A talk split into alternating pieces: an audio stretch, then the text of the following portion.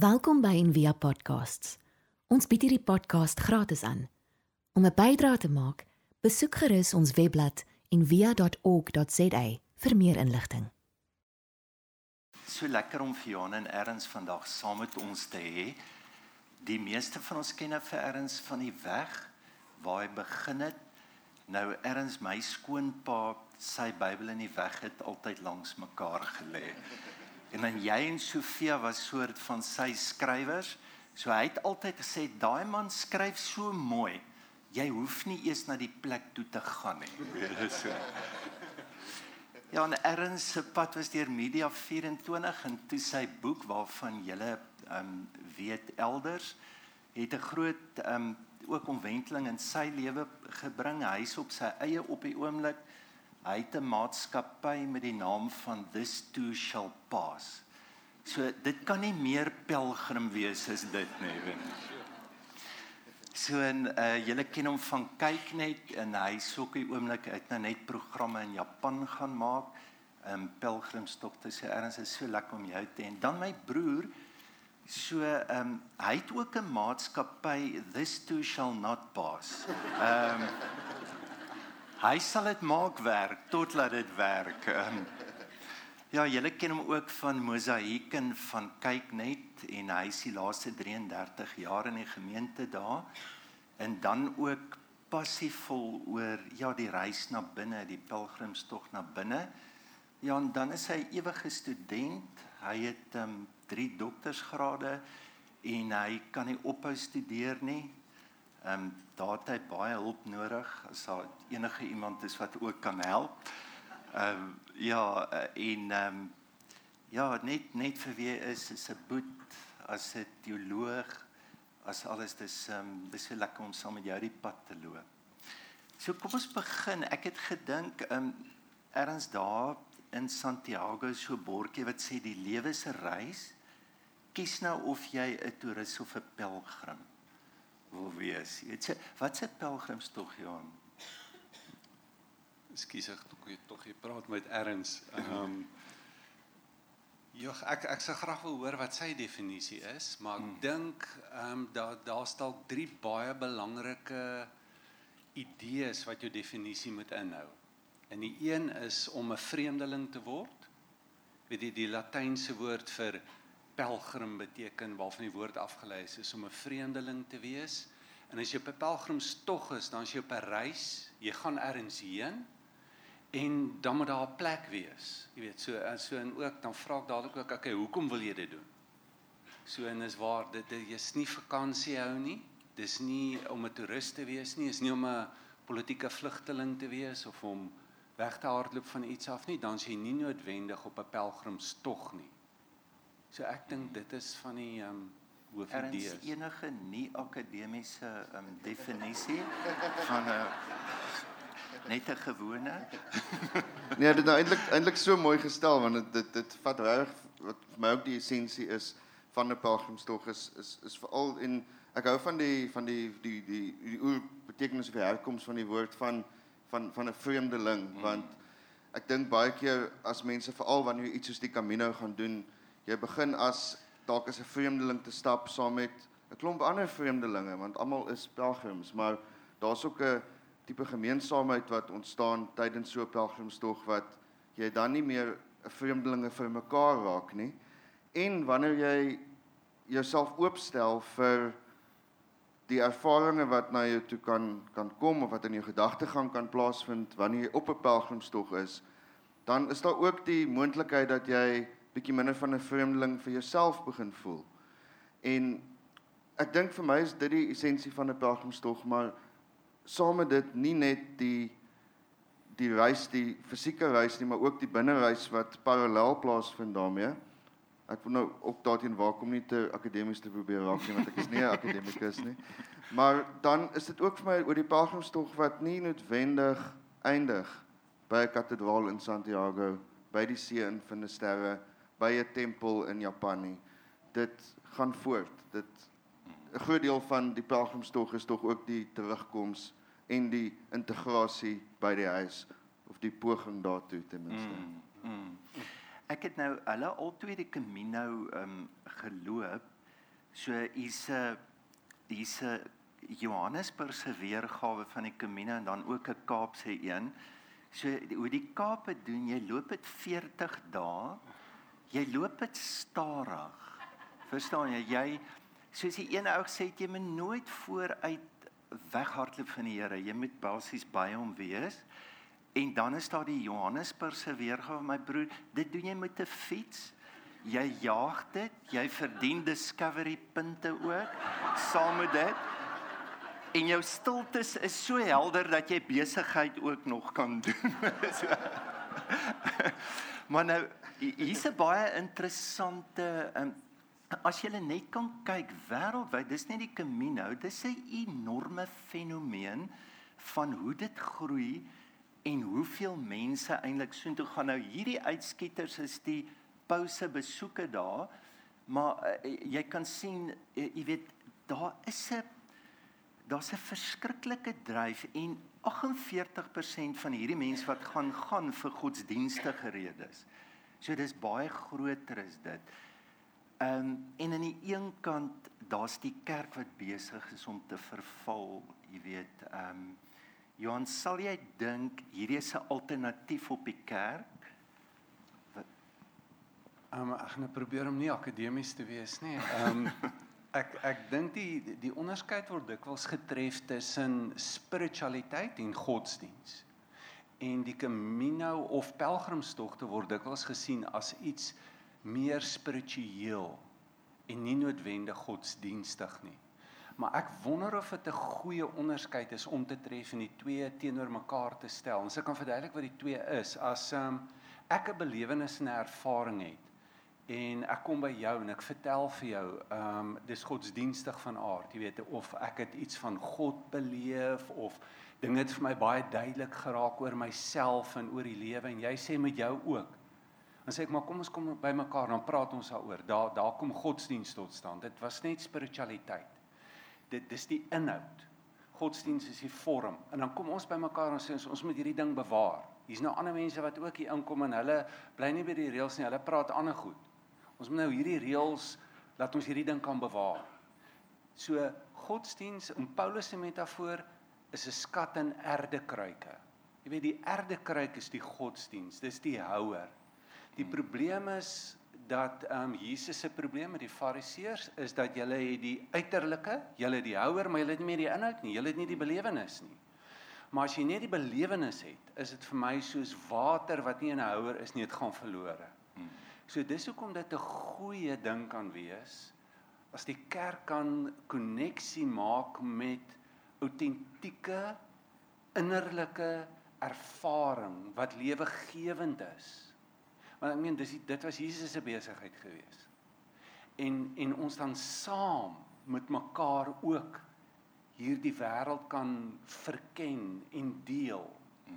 Jy weet, so ek dink omdat die kerk nie daarin slaag nie, omdat die kerk met 'n vorm sit en hy het nie inhoud nie, is is daar 'n spanning. En ehm um, ja, gaan mense vir die ervaring en die belewenis. Hmm erns um, is vir my interessant om altyd te luister hoekom mense dit doen, jy weet, en dit dit klink amper soos die kerk al is jy nou buite die kerk, weet, ek het gevoel ek moet gaan, jy weet, iets het vir my sê ek moet gaan of dis amper soos 'n roeping of 'n 'n gut wat vir jou sê hoekom het jy dit gedoen? Ek ek dink ehm um, dit geld vir enige persoon wat die wat die Camino gaan stap is daar is soveel redes. Ehm um, vir my is van die interessantste redes is wanneer jy dalk dink jy gaan weens hierdie en hierdie en hierdie redes stap, maar dan soos wat jy stap, kom daar net soveel ander redes by jou op en ek onthou ons het ook voor die ehm um, uh die Camino begin het in St Jean Pied de Port daar in die, in die suide van Frankryk het ons die aand by 'n wonderlike albergie by Larry gebly en ons was dit dit het 'n bietjie gevoel so so ehm um, amper so tipe Verenigde Nasies van menswees op 'n manier van want ons het ons het om 'n tafel gesit almal van verskillende lande, ouderdomme, agtergronde en hulle het vir elkeen van ons gevra wat is die rede hoekom jy gegaan het? En dit het gewissel van iemand wat dit nou al 3 maal gedoen het en dit net weer die vierde keer gaan doen want dit is net so betekenisvol tot iemand wat 'n ouer aan die dood afgestaan het, tot iemand wat 'n lang siekbed gehad het. Ehm um, so daar is soveel verskillende redes. Ek het ehm um, ek was 35 jaar oud toe ek gaan stap het en ehm um, ek dink ek het so my tweede of my derde midlife crisis toe gehad. Ehm um, en ehm um, ek weet dis dis nie ehm um, grappies ja, nie. Ja, en en ja, dit was 'n dit, dit dit was 'n moeilike tyd. 'n 'n verhouding het geëindig onverwags. Ehm um, daar was ek het vreeslik ehm um, gesukkel by die werk met deadlines, sukkel nog steeds. Nou suk my eie string baas, dit sukkel maar nog steeds. Ehm um, maar dit was dit was maar 'n samekoms van 'n klomp goed en ek is ook maar bekend met die met die ou swart hond van depressie, soos ou Winston Churchill naam verwys het en soms gebeur dit mos nou maar dat daar net so 'n 'n samekoms van al daai goed is en ek het net gevoel ek moet ek moet iets doen. Ehm um, en en dit dit is op 'n manier dit gevoel ek moet iets radikaal gaan doen. Ek moet tot verhaal kom. En ek het toe gedink maar dalk moet ek Spanje toe gaan en gaan stap. Maar dalk moet ek ook nie vir 'n week of 2 weke gaan nie. Ek moet vir 6 weke gaan stap. En ek het ook toe besluit omdat ek ook so digitaal uitgeput was ehm um, van die slimfoontjie en e-mails en alles het ek gedink maar dan moet ek dalk sommer ook net my kamera, my selfoon en my horlosie by die huis los en alleen gaan stap. Ehm um, En erns toe jy begin Ja. het, was jy spyt geweest dat jy dit gedoen het. Jy kan maar eerlik wees, in die begin was dit ek was ja, ek was ja, ek was ek was me- meer as net spyt. Ek was ehm um, dat 'n hele warboel emosies deur my gegaan. Dit was Hmm. regtig soos om jouself ehm um, vrywilliglik in 'n tipe ehm um, emosionele wasmasjien in te laat want dit was behalwe vir die vir die vir die fisieke uitdagings want ek was ook nie regtig stap fiks geweest nie. Ek was ehm um, ek het 'n kniebesering gehad en ek was baie oorgewig. So was eintlik my vriend toast dit net voor ek gegaan het, het hy 'n foto van my geneem daar by die track in Tafelberg en ek het hom maar so half so gepose vir die foto. Dis die fotootjie is ook daar in elders en hy het net so die foto geneem en so vir my gekyk en gesê one man against himself.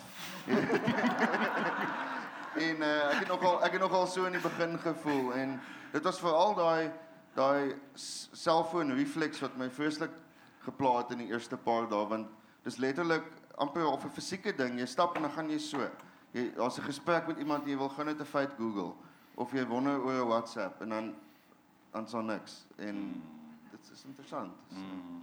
Kom ons kom ons praat bietjie oor wat gebeur met jou terwyl jy in dit ingaan. En ehm um, jy het gister vir my die vrou aangelaseer, ek het haar van vergeet. Straight. Ehm um, wat sê daar's maar basies 3 temas in stories. Ehm um, sê net daai 3 temas. Ja. Ek ek ek ek seker um, van julle is bekend met um, Cheryl Strayed. Sy het die boek Wild geskryf en daar's toe 'n fliek gemaak wat Reese Withers Reese Witherspoon in die hoofrol gespeel het. En sy daar in in Amerika het sy 'n 'n baie baie lang staproete in die natuur gaan doen, ook stok alleen. En 'n wonderlike boek daaroor geskryf. Maar sy het toe daarna het sy geskryf oor oor stories en oor, oor ervarings en reise en sy het dit gereduseer, sy het gaan kyk na wat sy nou noem die ancients of die die eintlike boustene van van enige storie en sy het dit net tot drie aspekte gereduseer. En dit is sorrow, journey en redemption.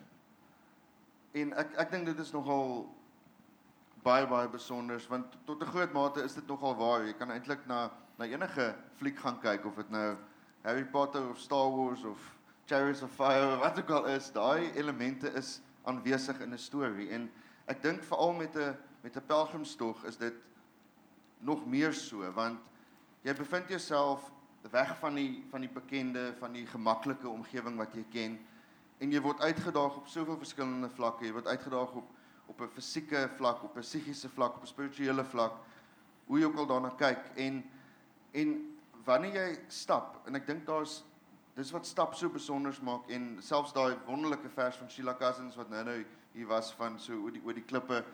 Ehm um, dit dit skep net vir jou daai konteks om al die gewone afleidings in die daaglikse lewe net nie net op sy te skuif nie, maar uit die weg te ry. En wanneer jy dit doen, dan kan jy jouself oopstel vir wat mense seker maar kan noem 'n tipe van 'n konfrontasie. Ehm um, maar met jouself, ehm um, en met 'n klomp goed waar waar waar jy nie aandag gee in jou daaglikse handel en wandel nie. En dis dan ek dink waar daai wonderlike energie of gebeurtenisse kan plaasvind rondom hoe daai sorrow tot 'n mate 'n tipe redemption word soos jy stap. Mm. Maar dis nie een of ander noodwendig een of ander magiese oomblik of 'n Damascus ervaring of dat jy nou op die 50 km merk of by die kathedraal in Santiago nou stap en amper half so net so gevoel kry van right nou is alles uitgesort en nou is ek reg nie. Um, ek weet nie, ek weet as as daar mense is wat dit so ervaar het, is ek baie dankbaar vir hulle, maar ek het nie daai voorreg gehad nie. Ek het nog steeds nie daai voorreg nie. Ehm um, ek wil terugkom na dit toe net nou ehm um, ek wil hoor Johan ehm um, in in die ontwikkeling van die kerkgeskiedenis was daar by die reformatie 'n verskriklike groot verandering in weerstand teen pelgrimstogte. Inteendeel Martin Luther het gesê jy moet ophou want jy gaan sonde doen as jy dit as jy dit doen.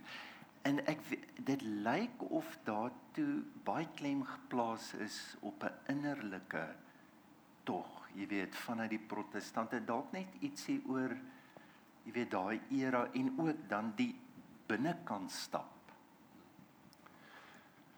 Ek ek is nie die beste ou om te praat oor die reformatie nie. Ehm um, en ek uh, dis my perspektief. Hmm. Ek dink ehm um, die reformatie moet seker in die lig gesien word met die destydse ontwaking, die afklering, die verligting wat plaasgevind het. So dit dit dit het baie klem gelê op die rede van die mens. So daar was opstand teen 'n uh, ag bygeloof en al hierdie goed wat in die gang was in die kerk en daar's ontslaag raak van beelde, ikone, al die goed is gestroop en dit was net sola scriptura, dit was net die woord. Ek is onseker asof die klem so sterk op die innerlike reis geplaas word. Want die hmm. innerlike reis kan nie sonder simbole plaasvind nie. Ehm um, dit is die groot denke. Vandag veral deur die sielkunde weet jy 'n jong het gesê die taal van die siel is met beelde, simbole. En nou raak ons ontslae daarvan, is alles in die kop. Ek dink wat die groot bydrae was is dat daar dat daar nie genoeg denke was nie. Daar was nie genoeg reason nie. Daar was te veel imagination. Maar ons kan nie sonder die anderlike innerlike funksies van die intuïsie, van gevoel, Ons kan nie daai goed afsny en net met die kop hierdie ding doen nie. En ek dink om aan te sluit by erns vir my as ek uit 'n bietjie ander perspektief ehm um, kan bydra lewer tot met wat met jou gebeur is. Jy raak oop. Ehm um, jy raak ontslaaf van hierdie ding wat in jou kop hardloop om te analiseer, te evalueer en te kategoriseer want jy's nou 'n vreemdeling. Nou kom jy daar by ander mense. Jy weet nie en jy's maar net soos al die ander wat daar is. En dit maak jou oop om te kan ontvang. Jy weet iets nuuts, dit haal jou uit jou patroon uit van dinge doen. En nou word al die ander goed uit. Jy kom uit jou kop uit. En nou skakel hierdie ander goed in funksies wat in jou is waarvan jy afgesny is van jouself deur die lewe wat jy leef wat so voorspelbaar is en so eentonig is. Maar eintlik slaap jy. Jy's nie bewus van al die goed nie nou raak jy bewus. En so die die die die reformatie die die gevaar met 'n spiritualiteit wat jou net in jou kop gehou jou net hier by dogma, by idees maar waarmee die lewe help in die realiteit dat jy moet na jou ervaring toe gaan en jy moet 'n koneksie maak met wat voel ek? Wat dink ek? Jy weet wat is die simbole van my lewe? Wat's my storie? Waar's ek in die lewe? Wat's my storielyn? Wat's besig om met my te gebeur? Dis die goed waarvan ons afsny in die lewe. En ek dink nie die reformatie het noodwendig baie gehelp met dit nie. Maar het gehelp met idees. En hy het gehelp om die reason en nigter om te gaan en te kyk na goed wat ook gebeur. So jy's jy's basies teen die reformatie. OK. Ek ek wil Erns? ek, ek wil sommer aansluit op by wat Johanna gepraat het oor het hoe mens hoe mens dikwels amper in jou in die daaglikse stryd ehm um, die gejaag na wind en die gejaag na wins hoe mens kan ehm um, amper half kan kan bietjie kan slaap. Jy's amper soos 'n hi-fi of 'n of 'n wat wat wat iets wat op sleep mode eintlik is, maar jy jy jy gaan aan met jou lewe en so, maar wanneer jy dan iets byvoorbeeld doen soos verlang stap dag na dag stap, dan is dit is 'n manier om ek dink ons almal word dikwels deur ons ehm um, maar die Engels sê die jou mind en die jou emosies ehm um, tot 'n groot mate regeer. Want dit dit is hierdie verbyvlietende gedagtes en vasgeleide patrone oor tyd wat ehm um, wat wat eintlik half koninkraai hier so in jou kop. En en dit is waar ek dink waar waar waar mindfulness, die die die bewus wees ehm um, en be, ja, so so 'n belangrike rol kan speel en en dis iets wat jy nie net kan gaan doen natuurlik wanneer jy gaan stap in Spanje of waar ook al nie, maar dit gee vir jou die konteks om daai te kan kultiveer, om om net weer 'n bietjie bewus te word van maar wag, ek is nie hierdie strome gedagtes, persepsies en veroordelings wat die heeltyd hierso amper half soos 'n loop deur my kop gaan nie. Ek is eintlik die die waarnemer van dit. En dis daai bietjie afstand wat mens kan kry wat ehm um, ek dink van soveel betekenis is um, en daai oopheid wat jy dan het om dit te kan deel met ander mense wat saam met jou in dieselfde bootjie is. Erns um, Johan het genoem van Jung wat sê die siel kan nie sonder 'n beeld nie. Op jou tog wa, was watse beelde of rituele het jou gehelp?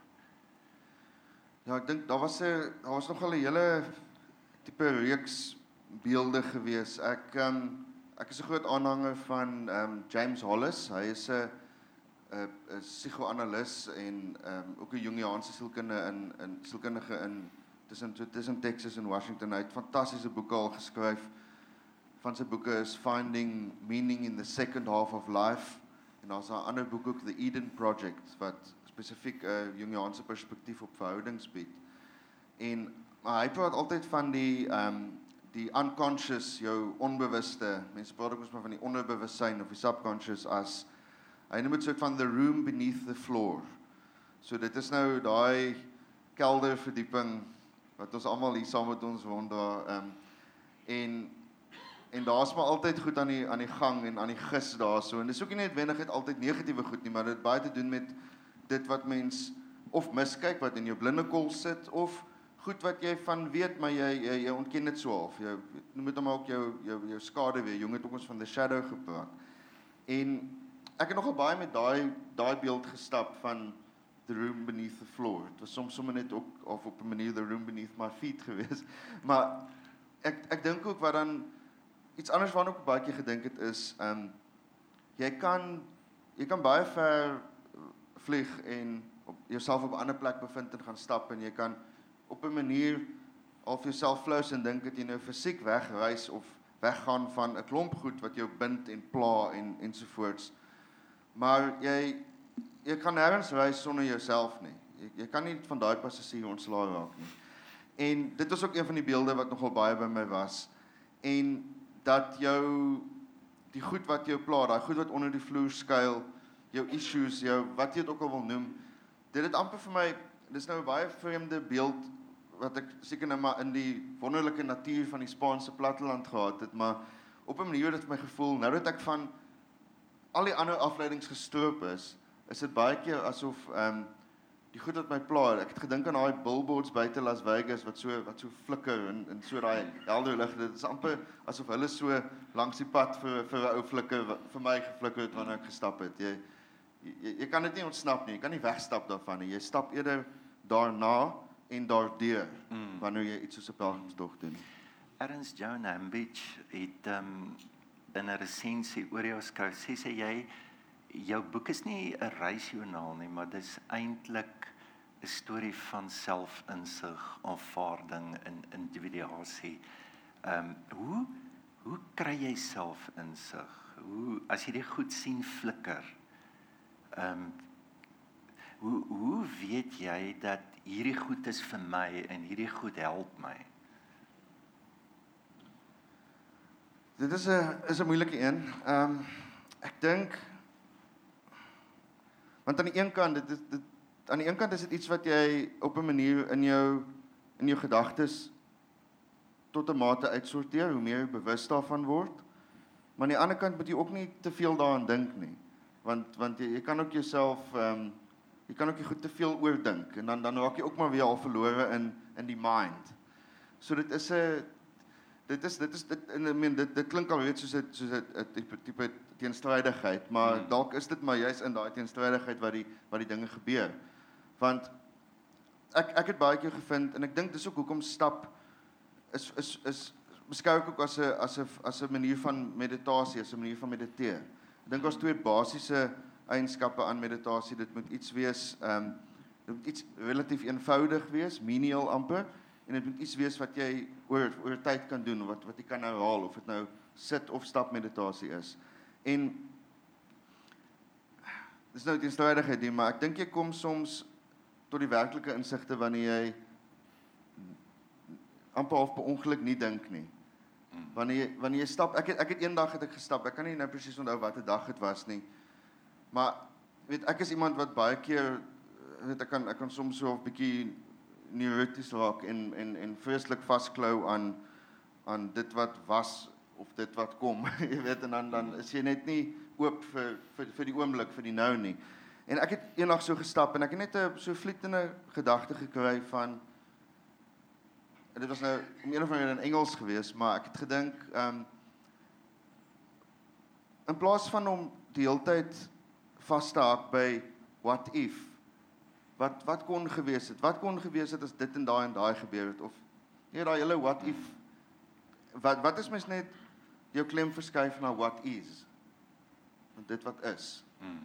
En dit was vir my 'n seker nou maar uh, ja, dit was ek dink vir my 'n voorbeeld van waar daar so 'n bietjie selfinsig waar ek gevoel het ek is nou besig om met dit te woel. Maar dis ook nie weer eens nie 'n geval van dat ek al my gevoel en nou nou is dit volbring ja. nie. Johan dalk in die kerk, jy weet, jy gaan na binne toe. Hoe hoe weet jy dis jy of die Here wat met jou praat, ja, jy weet? Ja. Jog, die ehm um, die die die Christen tradisie en veral in die mistiese stroom van die Christen tradisie is die ontdekking van die self en die ontdekking van God baie naby aan mekaar gesit. Jy weet Augustinus, Teresa van Avila het selfs gesê jy kan God nie ken as jy nie jouself ken nie. Sê man nee nee nee, dit werk soos andersom, maar dis dit loop altyd saam, selfkennis en God. Nou, as jy daai ervaring het, is die oortuiging dat dit wat ek nou beleef is vir my van groot belang. Jy kan dit nie noodwendig bewys nie. Maar jy jy het net daai oortuiging, daai intuïsie, daai gevoel. Um it's of ultimate meaning to my life. Die insig wat ek nou ontvang, die helderheid wat daar nou kom in my lewe. En 'n ou kerkvader het gesê, Hy het nou van retreats gepraat, jy weet om stil te gaan sit, ou Abba Moses in jou kamer wat baie dieselfde proses is, maar dit is nie so seer kinestetiek, dis nie loop nie. Dis nou teenoorgestel jy gaan sit. Maar baie van dieselfde goed gebeur met jou. En hy sê die die die die troebel water van jou lewe gaan stil raak en die modder gaan afsak en dan kan jy diep insien in jou lewe. En op die weerkaatsing sal jy die hemel sien en jy sal jouself sien. So dit is iets wat net met jou gebeur. Nou ek dink wanneer jy um dit net koppel aan groot betekenis vir jou lewe, is dit 'n geestelike ervaring. Wat maak dit 'n godsdienstige ervaring? As ek dit interpreteer en sê, maar dis God wat dit met my doen. Jy weet? So almal interpreteer nie daai ervaring as dis God wat nou met my praat nie. Maar dis dalk die verskil tussen 'n godsdienstige en 'n geestelike ervaring. Maar ehm um, daardie ontwaking ehm um, van die onbewuste, die onderbewuste, die halfbewuste. Ons het 'n klomp vlakke in goed, jy weet, van onsself, van die wêreld om ons wat ons nie van bewus is nie. Van goed wat in jou lê wat jy nie van bewus is nie, jy weet, the room beneath. Daar's baie pyn. En dis 'n interessante ding wat dikwels met mense gebeur. Jy praat van die hartseer. Ek sien op retreats, as jy op 'n op 'n langer retreat gaan, dan begin die mense van die 5de dag af te huil. Hulle weet nie hoekom nie. Hulle verlang na mense wat hulle nog nie ontmoet het nie. En ehm um, ek dink dit is dikwels daardie hartseer wat van verliese wat ons bymekaar gemaak het in die lewe wat ons nie verwerk het nie. En baie keer is daaroor gepraat waarom konnekteer iemand dit met die verlies van 'n verhouding, met die verlies van 'n groot en 'n belangrike ding in my lewe. En dan is dit goed om met daai hartseer te sit en met daai pyn te sit en dit net te hou. So dis dis 'n genesing. En, en dit dis ook 'n rede hoekom baie ouens gaan op retreats en op 'n camino soos net sê maar ek is siek, jy weet, of fisies of emosioneel ook, totaal ontwrig. Ek moet met 'n groot verlies deel en ek weet nie hoe nie. Hulle loop hom uit. Hulle sit hom, hulle voel hom en op 'n manier verwerk hulle hom. Ek weet nie wat die vraag was nie, maar dis Kan ek onthou nie, maar nou baie van die antwoord. Sien Jy sien dis wat predikers doen. Verstaan jy? Dit is heeltemal af van die skrip nou hierso. Erns, ehm um, jy het gister ook hy het gepraat van die troebelwater, maar jy het so mooi beeld van stilte gegee gister.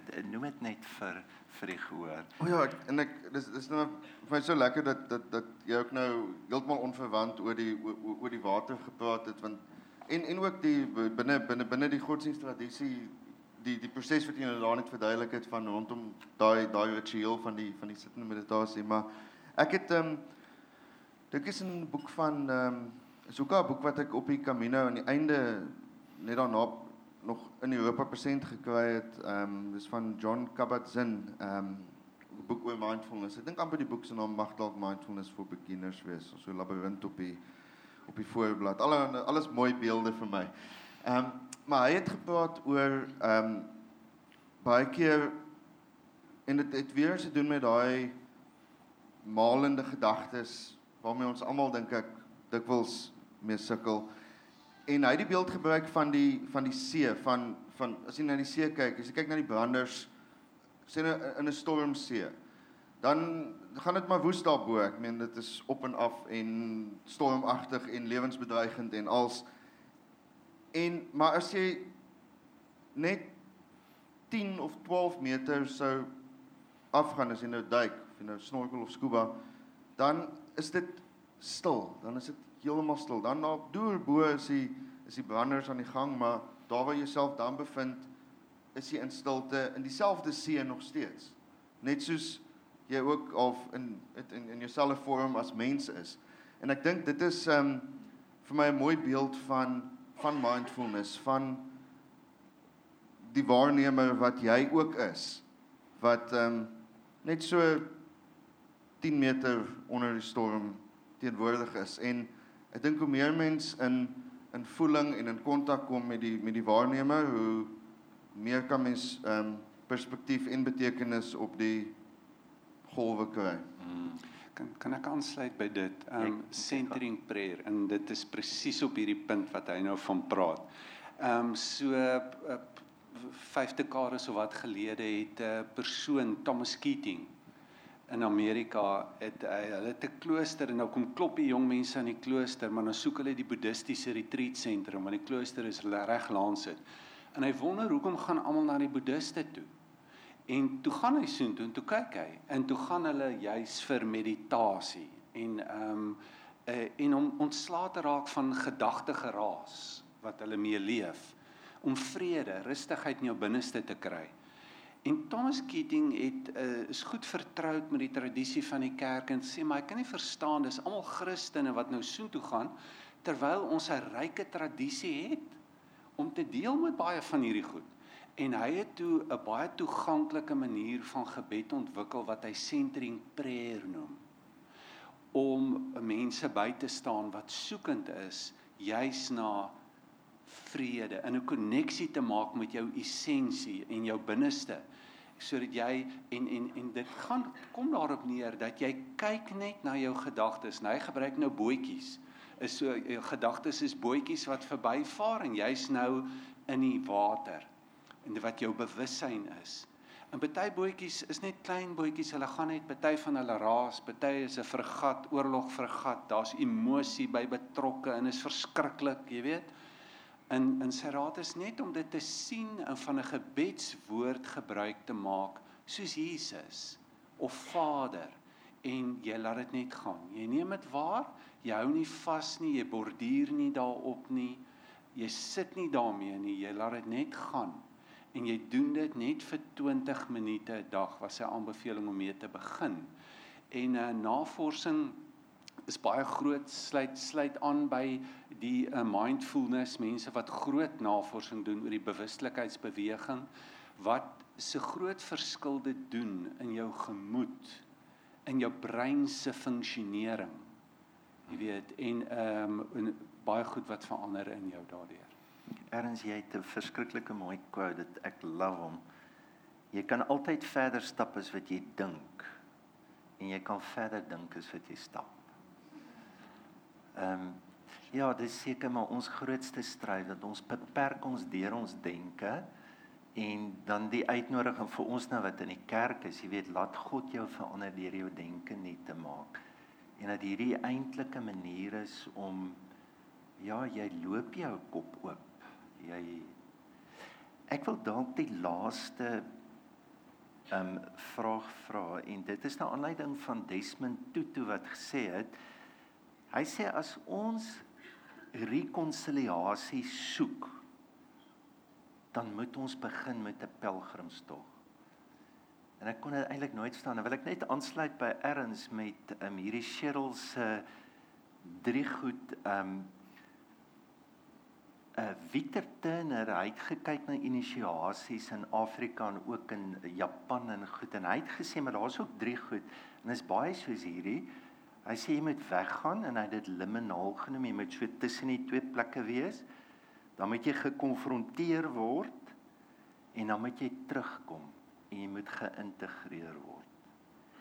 En jy het net nou iets genoem erns van ja, die vriendskap, die um, jy het so mooi woord gebruik soos die wat sê unie van vriendskap, dis die wêreld wat saam is. En Hy en de, hy het 'n woord daar wat hy sê communitas en hy sê ons in die kerk community ons met 'n community en ons dink dit wat ons glo maak ons een maar hy sê as jy deur 'n proses gaan wat jy eintlik in between is en alles jy gaan amper in anti-structure in dan kom daar 'n tipe koneksie tussen mense en wat waarmee jy heeltemal verskil maar jy voel dit klou.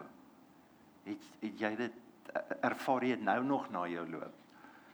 Ja, ek het ehm um, ek dink definitief daai sinoniem die die die woord communitas is is wat mens ehm um, tot 'n groot mate ervaar wanneer jy die Camino doen want jy jy mag dalk alleen begin stap en jy jy loop mense raak en dit is dis dit dit is wat ook vir my baie interessant was daarvan in Spanje is dit is ook baie vloeibaar jy weet dis dis nie daar ek ek het ervaar dat daar nie verwagtinge was van ander pelgrims dat okay ons twee ons twee ons twee ons is nou maatjies ons moet nou elke dag saam stap in dieselfde pas en dieselfde albergies bly en tot by Santiago of Finisterre nie ek het dit was vir my so vry om in daai ruimte te kan wees waar jy kuier die aand dalk saam met iemand in 'n in 'n herberg. Kyk, daar word ook gekuier. Jy kan ook maar kuier in jou cerveza of jou vino tinto drink in die aande. Jy weet, dis ek wil nie die idee skep dat die dat die Camino net hierdie 40 dae wandelende meditasie is nie. Dis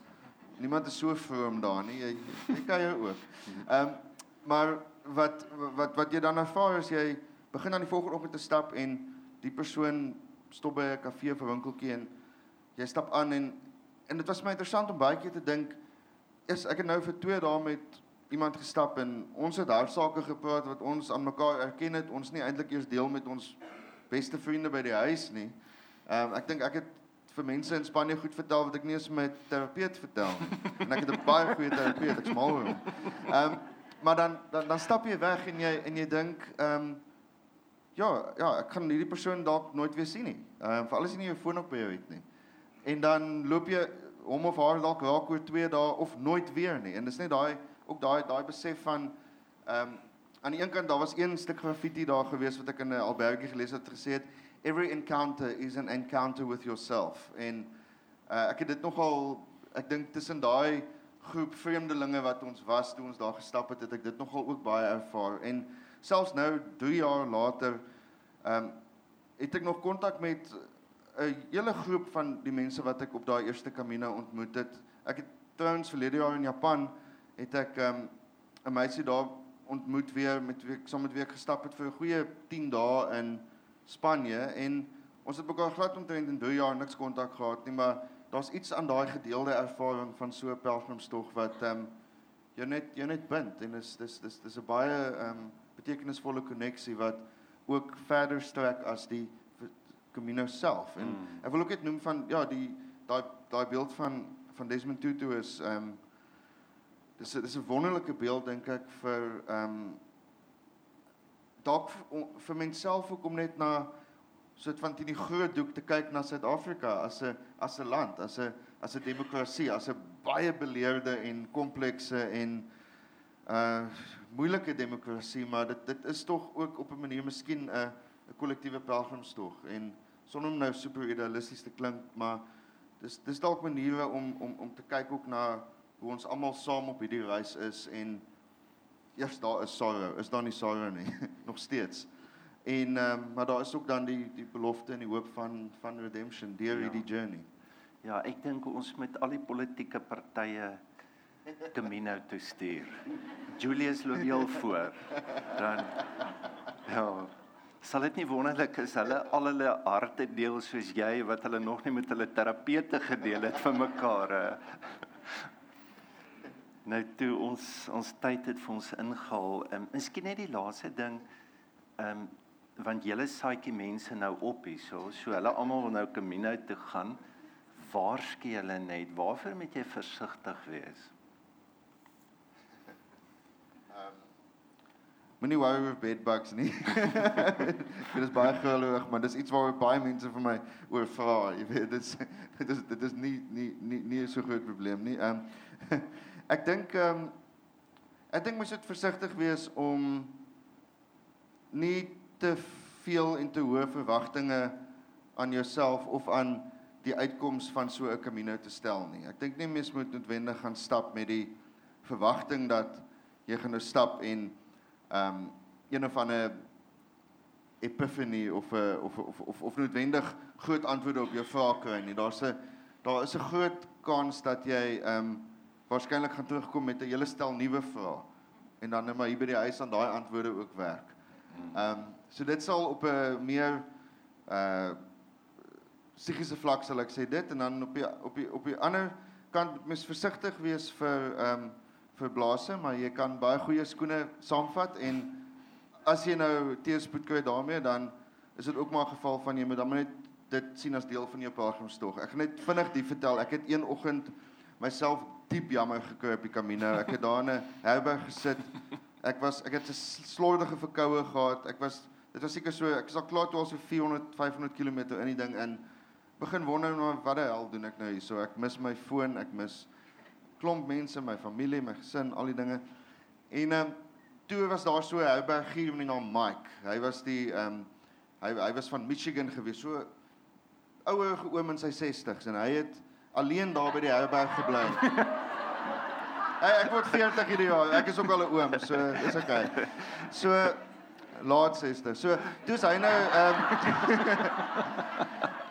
en en en hy het my nogal so as 'n as 'n tipe amper so 'n tipe zen monnik getref want hy het so rustig haar gedoof deur die albergie. Ons het nog die aand daar, ek was saam met 'n klomp lyk drigtige Spanjaarde daar in 'n in 'n kamer. So ons het nogal bietjie gekuier die aand ook en so en hy was net baie rustig deur dit alsin. Hy het die volgende oggend so gestaan met sy mop, die die vloer so gemop en net so daar gestaan en en mop en ek kom toe na hom en ek soek toe nou lekker simpatie by hierdie hierdie wyse oom en begin net so te kla oor alles wat pla en die verkoue en ek hoes sommer so 'n bietjie vir ekstra effek en als.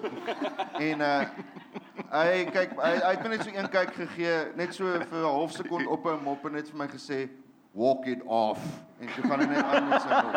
En uh so uh, ja. En ek het daai gevat as 'n mantra vir die, die volgende 500 km. Dis bly ek het. Ja, ek ehm ek ek ek, sou weer sê die Camino is nie net vir kinders nie. Jy hoef nie 30 jaar oud te wees of 35 om dit te doen nie. Jy kan ouer ook wees. Ehm um, ek ek stem baie saam met Ernest jou jou verwagting. Ehm um, ek het ek het 'n gesegde erns gesien daarteen 'n 'n muur wat gesê die Camino sal vir jou gee wat jy nodig het. Toe dink ek ja, nie noodwendig wat jy wil hê nie maar wat jy nodig het sal na jou toe kom. Die lewe sal dit vir jou gee. En ek dink veral as jy met 'n sterk godsdienstige motief gaan, kan kan dit baie in jou pad staan dat jy dink God moet so na my toe kom en hy moet so met my werk of dit moet my, nou met my gebeur. En die probleem is dat ek dink ons leef in 'n kultuur wat wat baie ekstaties ingestel is. Jy weet, so jy moet hierdie epifanie hê, jy moet hierdie openbaring hê, jy moet weggeruk word hemel toe. Maar dis alles ekstatiese ervarings.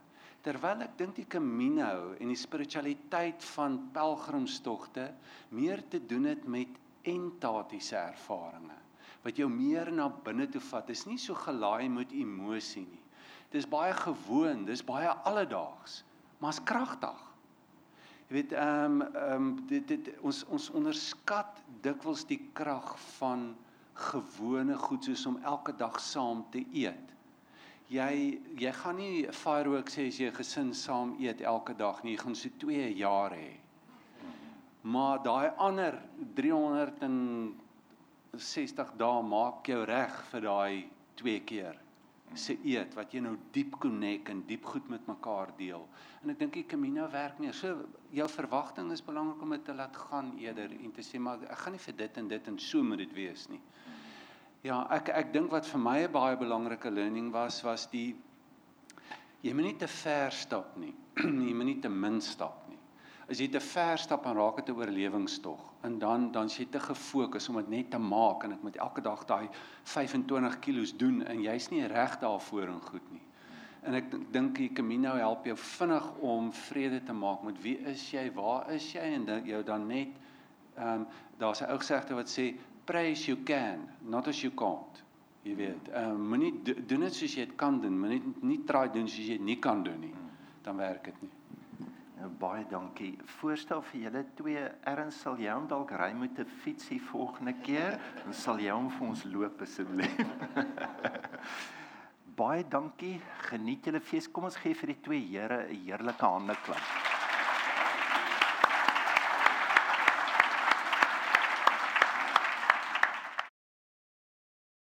Ons hoop van harte jy het hierdie podcast geniet of raadsaam gevind. Besoek gerus en via.ok.za vir meer inligting.